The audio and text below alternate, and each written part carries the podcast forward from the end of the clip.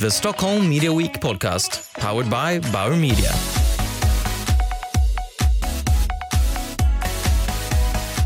Hej och välkommen till Stockholm Media Weeks podcast som presenteras av Bauer Media. Mitt namn är Sonja Böttcher och jag är business director på Starcom. Och under två dagar kommer jag tillsammans med tre andra mediebyråkollegor att träffa inspirerande gäster här på Stockholm Media Week. Och nu sitter jag här i foajén på Kinateatern i Bauer Medias studio och framför mig har jag Sara Munt Petersen, Head of CRM på Tubi. Eh, och du kommer ju precis ner ifrån från scenen där du har varit en av talarna här på Stockholm Media Week. Välkommen! Åh, tack. Och vi kommer att prata om två eh, populära förkortningar här idag. AI, Artificial Intelligence och CRM, Customer Relationship Management. Man förstår att man har förkortningar till de orden. Ehm, och de här områdena har ju nämnts faktiskt otaliga gånger under, under de här dagarna, både spontant och eh, mer som officiella programpunkter. Så att om vi börjar med AI. Vad är AI egentligen? Ja, det är en väldigt bra fråga och jag tycker att beroende på vem man frågar finns det olika definitioner på vad det är. Men eh, i grund och botten tänker jag så här att det handlar ju om en intelligens som kan uppvisas av maskiner, algoritmer, datorer eh, som därmed kan bevisa liksom ett intelligent beteende. Sen har ju AI har ju funnits väldigt länge. Det är inget nytt egentligen. Det har funnits i akademin i extremt många år, men det är först nu när den börjar flytta in, in till businessen och eh, till industrin. Mm, ja, det, det visste jag faktiskt inte att det har funnits. För mig är det verkligen ett Ja, ganska men det är nu det börjar bli hett, hett för oss som jobbar i, i de kommersiella företagen eller organisationer. Mm, så man kan börja använda det mer på riktigt nu helt enkelt. Jag tycker det är många företag, typ som Google och Facebook, har varit med och drivit på det här. Nu börjar vanliga död, dödliga företag, säga, nej men vanliga storföretag, mycket startups, också experimentera och se vad man kan göra för att eh, förflytta förmågor till algoritmer, datorer, programvaror och så vidare. Eh, och du delade ju med dig av eh, lite kampanjer här på scen precis. Kan du eh, berätta lite om, om vad du pratade om? Mm. Ja, väldigt kortfattat så berättade jag ju om hur vi har byggt upp på senaste året här en data lake med kunddata. Och då både kunddata i form av det man kanske kallar för CRM-data, men även eh, beteendedata. Som hur kunder surfar på mobile web, webb, app och så vidare. Eh, och hur vi sen använder ganska enkel form av cookie drops och artificiell intelligens då för att styra dialogen med våra kunder och hur den här dialogen pågår och följer kundens eh, beteenden så länge kunden är engagerad i våra kanaler. Så den blir väldigt mycket på kundens villkor och inom kundens intressedomäner. Och vilka effekter har ni sett eh, har dykt upp här sen, sen ni drog igång? Vi kan se att, att eh, jag på att säga de nya pengarna, men alltså de CRM-program, de dialoger som bidrar till avslut, conversion, det är den typen när vi använder oss av kunddata och algoritmer.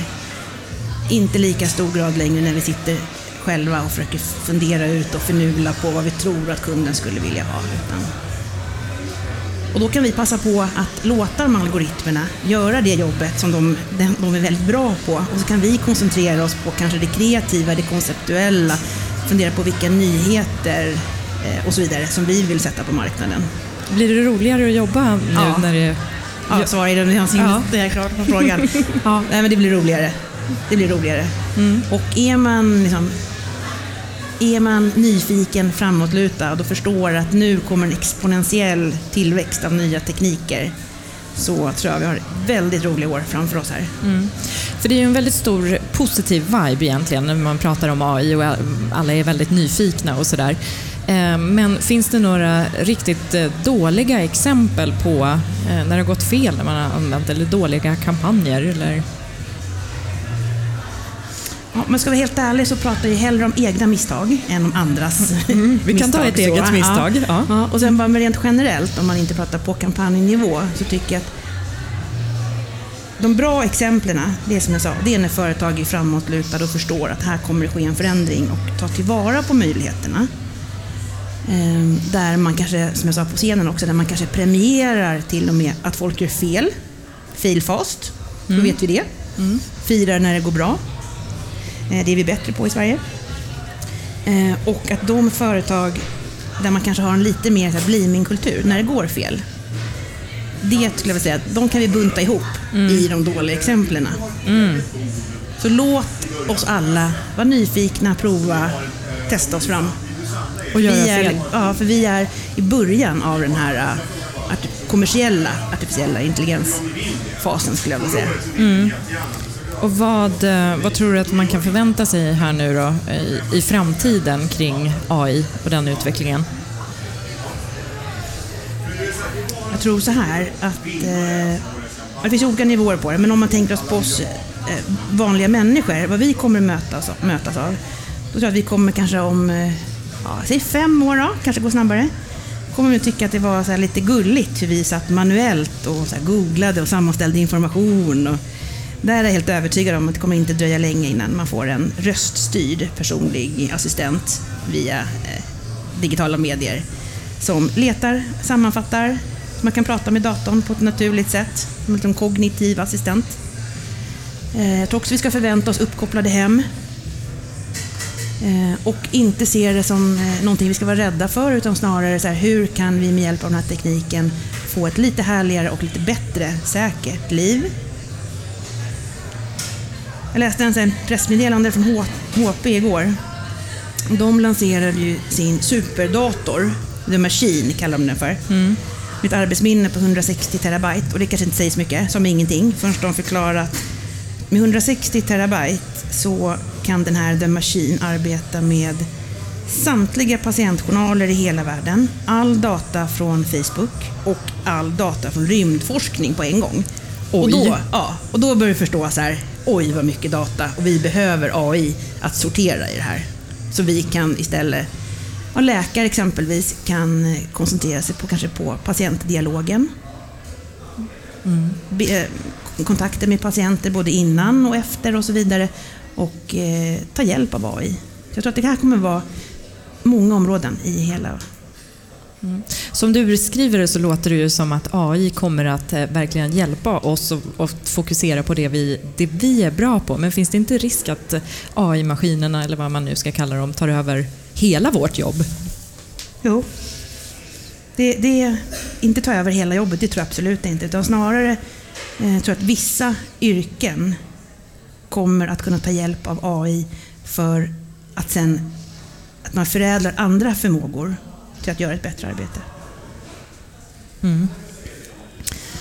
Det blir en spännande utveckling. Men jag har läst på eh, LinkedIn, om jag får till det hela rätt nu, så så de senaste 15 åren så har du jobbat med data, varav eh, de senaste 11 som CRM-ansvarig i olika branscher, telekom, dagligvaruhandeln och nu också resebranschen. Vilken bransch skulle du säga har bäst relation till sina kunder? Vilken bransch har bäst relation? Eh, Jag är oerhört passionerad inom alla de här tre branscherna. De ligger mig varmt om hjärtat. Eh, Dels för att jag privat och personligen har fått göra så roliga projekt, kundutvecklingsprojekt eh, ja, i de här branscherna. Men också för att de erbjuder tjänster och produkter som är väldigt viktiga för våra kunder. Som mobil, padda, dator, mat, resor. Ehm, så att jag tror att alla de här branscherna har sin charm. Alla de här har också olika typer av köpcykler. Exempelvis mobilbranschen hade ju tidigare mycket, upp, upp, eh, mycket kring olika bindningstider och så vidare. Livsmedel, ja, det går man och handlar var och varannan dag. Och semester kanske en gång eller varannat år och så vidare. Så att det är olika typer av relationer. Så det är väldigt svårt att säga så här, vem har bäst eller vem har sämst relation. Däremot så tror jag att inom telco, inom telekom, så finns eh, de, den största potentialen här framöver kring att verkligen kunna använda sig av data och göra bra tjänster och erbjudanden till våra kunder. I och med att man alltid har mobilen med. Så att med, med datat och mobilen så är vi ja, ja, är, man, är vi man med kunden hela tiden. Om man vänder på det då, tar det lite tråkigare. Vilka branscher eh, skulle du rekommendera jobb, bör jobba lite mer med eh, sina kunder? Jag skulle rekommendera företag som inte har en direktanslutning, en direktkontakt med sina kunder. Att fundera på, kan de bygga upp egna relationer med sina kunder? Eller kanske ännu hellre bygga nätverk. För det tror jag, förutom AI då, som en stark trend, så tror jag vi kommer se framöver många nya typer av konstellationer där företag samarbetar. Så det är inte längre ett företag som har kontakten med kunden utan vi behöver bredda oss, jobba i nätverk för att hela tiden skapa kundnytta för kunden. Mm. Och även korsbefrukta olika Ja. typer av branscher då? Exakt. Mm. Okej. Även där, jag pratade lite på scenen om det här att vi, det är dags att vi bryter silosarna i alla företag. Mm. Man inte kör sina egna race. Och det kan man även ta till en högre nivå och tänka att även företag behöver liksom bryta silos lite. Och tänka så här, hur kan vi gemensamt eh, skapa någonting som blir ännu större kundvärde än vad vi som bolag kan göra själva. Mm, just det.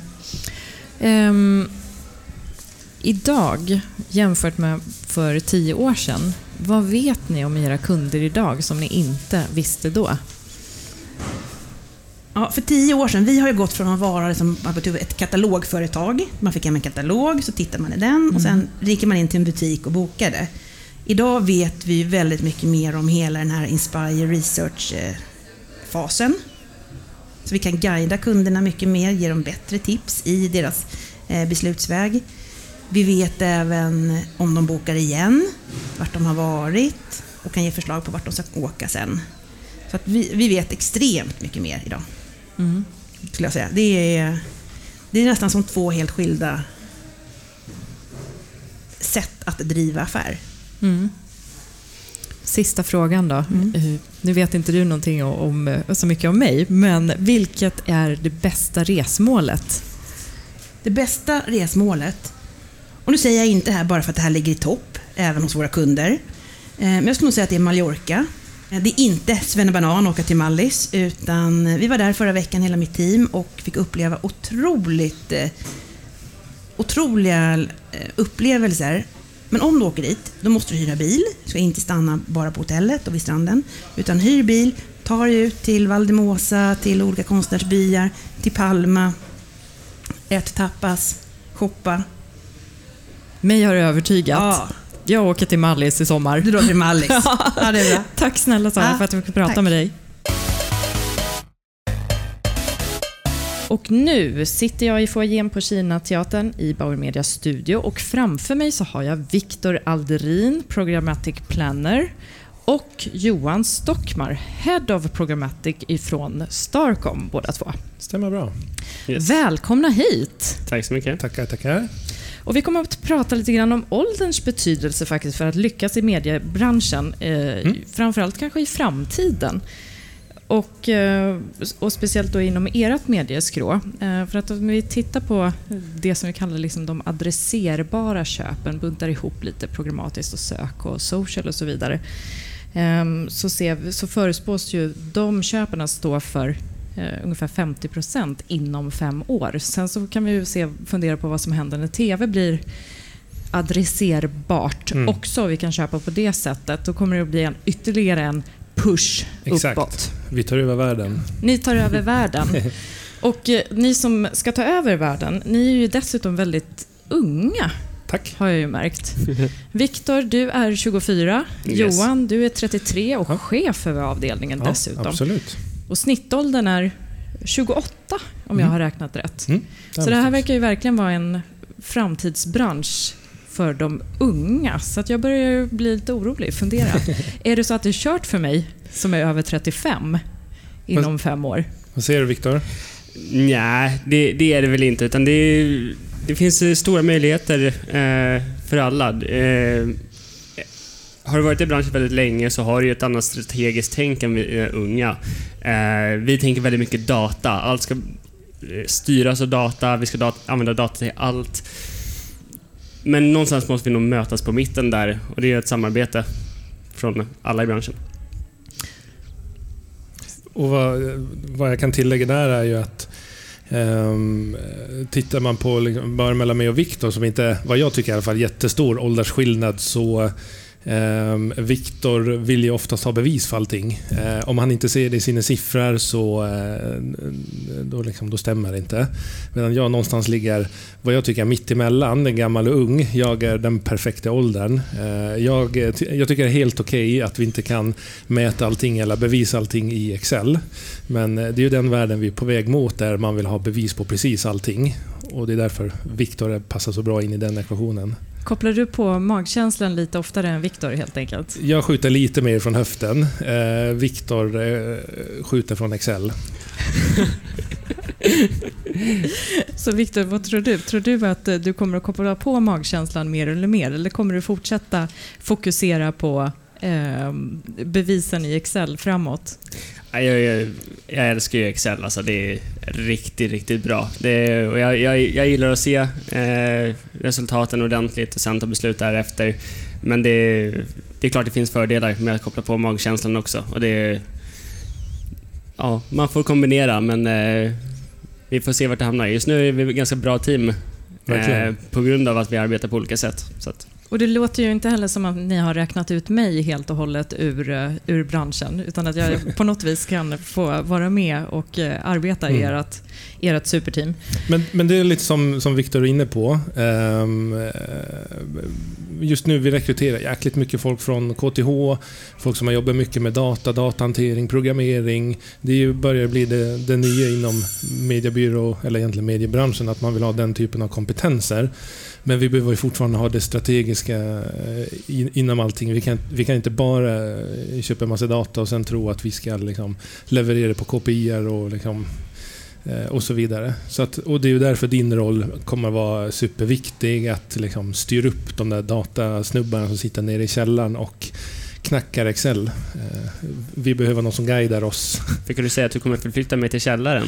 Absolut, du vet inte om den bara. det låter jättespännande. Um, och det låter ju också väldigt, väldigt intressant och väldigt bra. Någonting som uh, de här dagarna på Stockholm Media Week också har berörts. Att den strategiska riktningen blir verkligen viktigare än någonsin. Men mm. den behöver, just för att guida er um, som är lite yngre och jobbar med datan. Mm.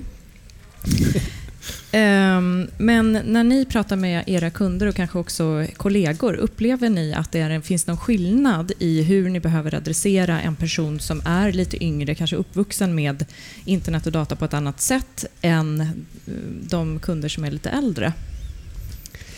Nej, det, alltså, jag skulle inte säga att det är eh, den generationsfördelningen. Däremot så är det snarare inriktat på vilken roll som personerna har. Det, pratar man med en marknadschef jämfört med en eh, person som eh, är säljare eller som är eh, mycket, mycket mer närmare eh, det programmatiska så kommer man kommunicera på helt olika sätt. För att personen kommer tycka att olika saker är intressanta. Men vi anpassar oss supermycket beroende på, som du säger, är marknadschefen, de vill kanske inte veta exakt var vi plockar data ifrån, hur vi samlar in den och vilka plattformar vi använder den i och hur vi exekverar och så vidare och hur vi förföljer folk med retargeting och så vidare. Utan eh, de vill kanske ha det mer strategiska, övergripande, hur vi driver affären framåt. Sen har vi ju, när vi pratar med eh, de som sitter på e-handelsansvaret kanske, de vill ju mycket mer veta vad vi gör med datan, hur vi använder användaren och så vidare. Men eh, sen kanske man kan se en tydlig åldersskillnad eh, mellan vem som är marknadschef och vem som sitter som ansvarig för eh, liksom en e-handel. Så det ligger kanske någonting i det också där. Men det tror jag inte är ålder som så som är skillnaden utan snarare kanske rollen och att man någonstans har som mål att hamna som en marknadschef kanske och det tar lite tid att ta sig dit. Ehm, men ja, typ så. Har ni som eh, olika roll, rollkort och rollfördelningar då beroende på, för att ofta sitter man ju i presentationer där en, en marknadschef med ett perspektiv har um, har en, behöver man ha en viss dialog med medan eh, då en e-handelsansvarig behöver man ha en, en annan dialog med. Hur, hur jobbar ni med de här olika rollerna? Jättesvårt, men, eh, men där så staffar vi oftast upp oss. Ehm, Tillsammans med en digital planerare, med en projektledare eller en kundansvarig som du själv, där vi egentligen får olika roller i ett sådant möte. Ehm, jag når kanske inte fram till en marknadschef ehm, på samma sätt som du kan göra som, som, som, som driver de frågorna mycket mer. Men däremot så kan jag plocka upp en CRM-ansvarig och sen så kan vi liksom connecta och börja prata hur vi kan hur vi kan börja trycka in allt i Excel och vidare i databaser och, och så vidare. Um, så där tror jag det är jätteviktigt att man liksom speglar kundens uppsättning och så vidare. Vi, vi kommer, som det ser ut nu kommer vi inte kunna gå in och liksom glänsa i alla möten och tro att data är supercoolt. Ehm, för det är inte alla som tycker det. Vad vi däremot ser är ju också att eh, fler och fler eh, tycker att data är intressant och vi pratar mer data med fler kunder, med högre upp i, i eh, rollhierarkin så att säga. Och det är också väldigt, väldigt roligt att se. Och eh, om man tittar eh, ännu längre fram i tiden. Vi pratade ju om AI en hel del här tidigare idag och eh, Sara Mund Petersen har varit uppe på scen också och pratat om, om AI. Um, och att det finns ju faktiskt en risk i att AI-maskinerna och AI-robotarna tar över vårt jobb. Exakt. Är ni ute utan jobb om 15 år? Eh, ja, men det är vi. Det, det, det är nattsvart, eh, ska jag säga. Nej, men det är väl ungefär som personalen på ICA tyckte var superjobbigt när självskanningskassan kom. Men efter, hur länge den finns nu, 5-10 år eller vad det kan vara, eh, så ser man ju att de sitter mindre i kassan, de hjälper kunderna liksom, eh, mycket mer, man, eh, man, man får andra jobb istället. Så att jag tror de här monotona jobben när man bara sitter och blippar in grejer, eller i det här fallet man sitter och lägger bud på grejer. Kan vi automatisera allting sånt som är monotont så, så, så tror jag att man gör det.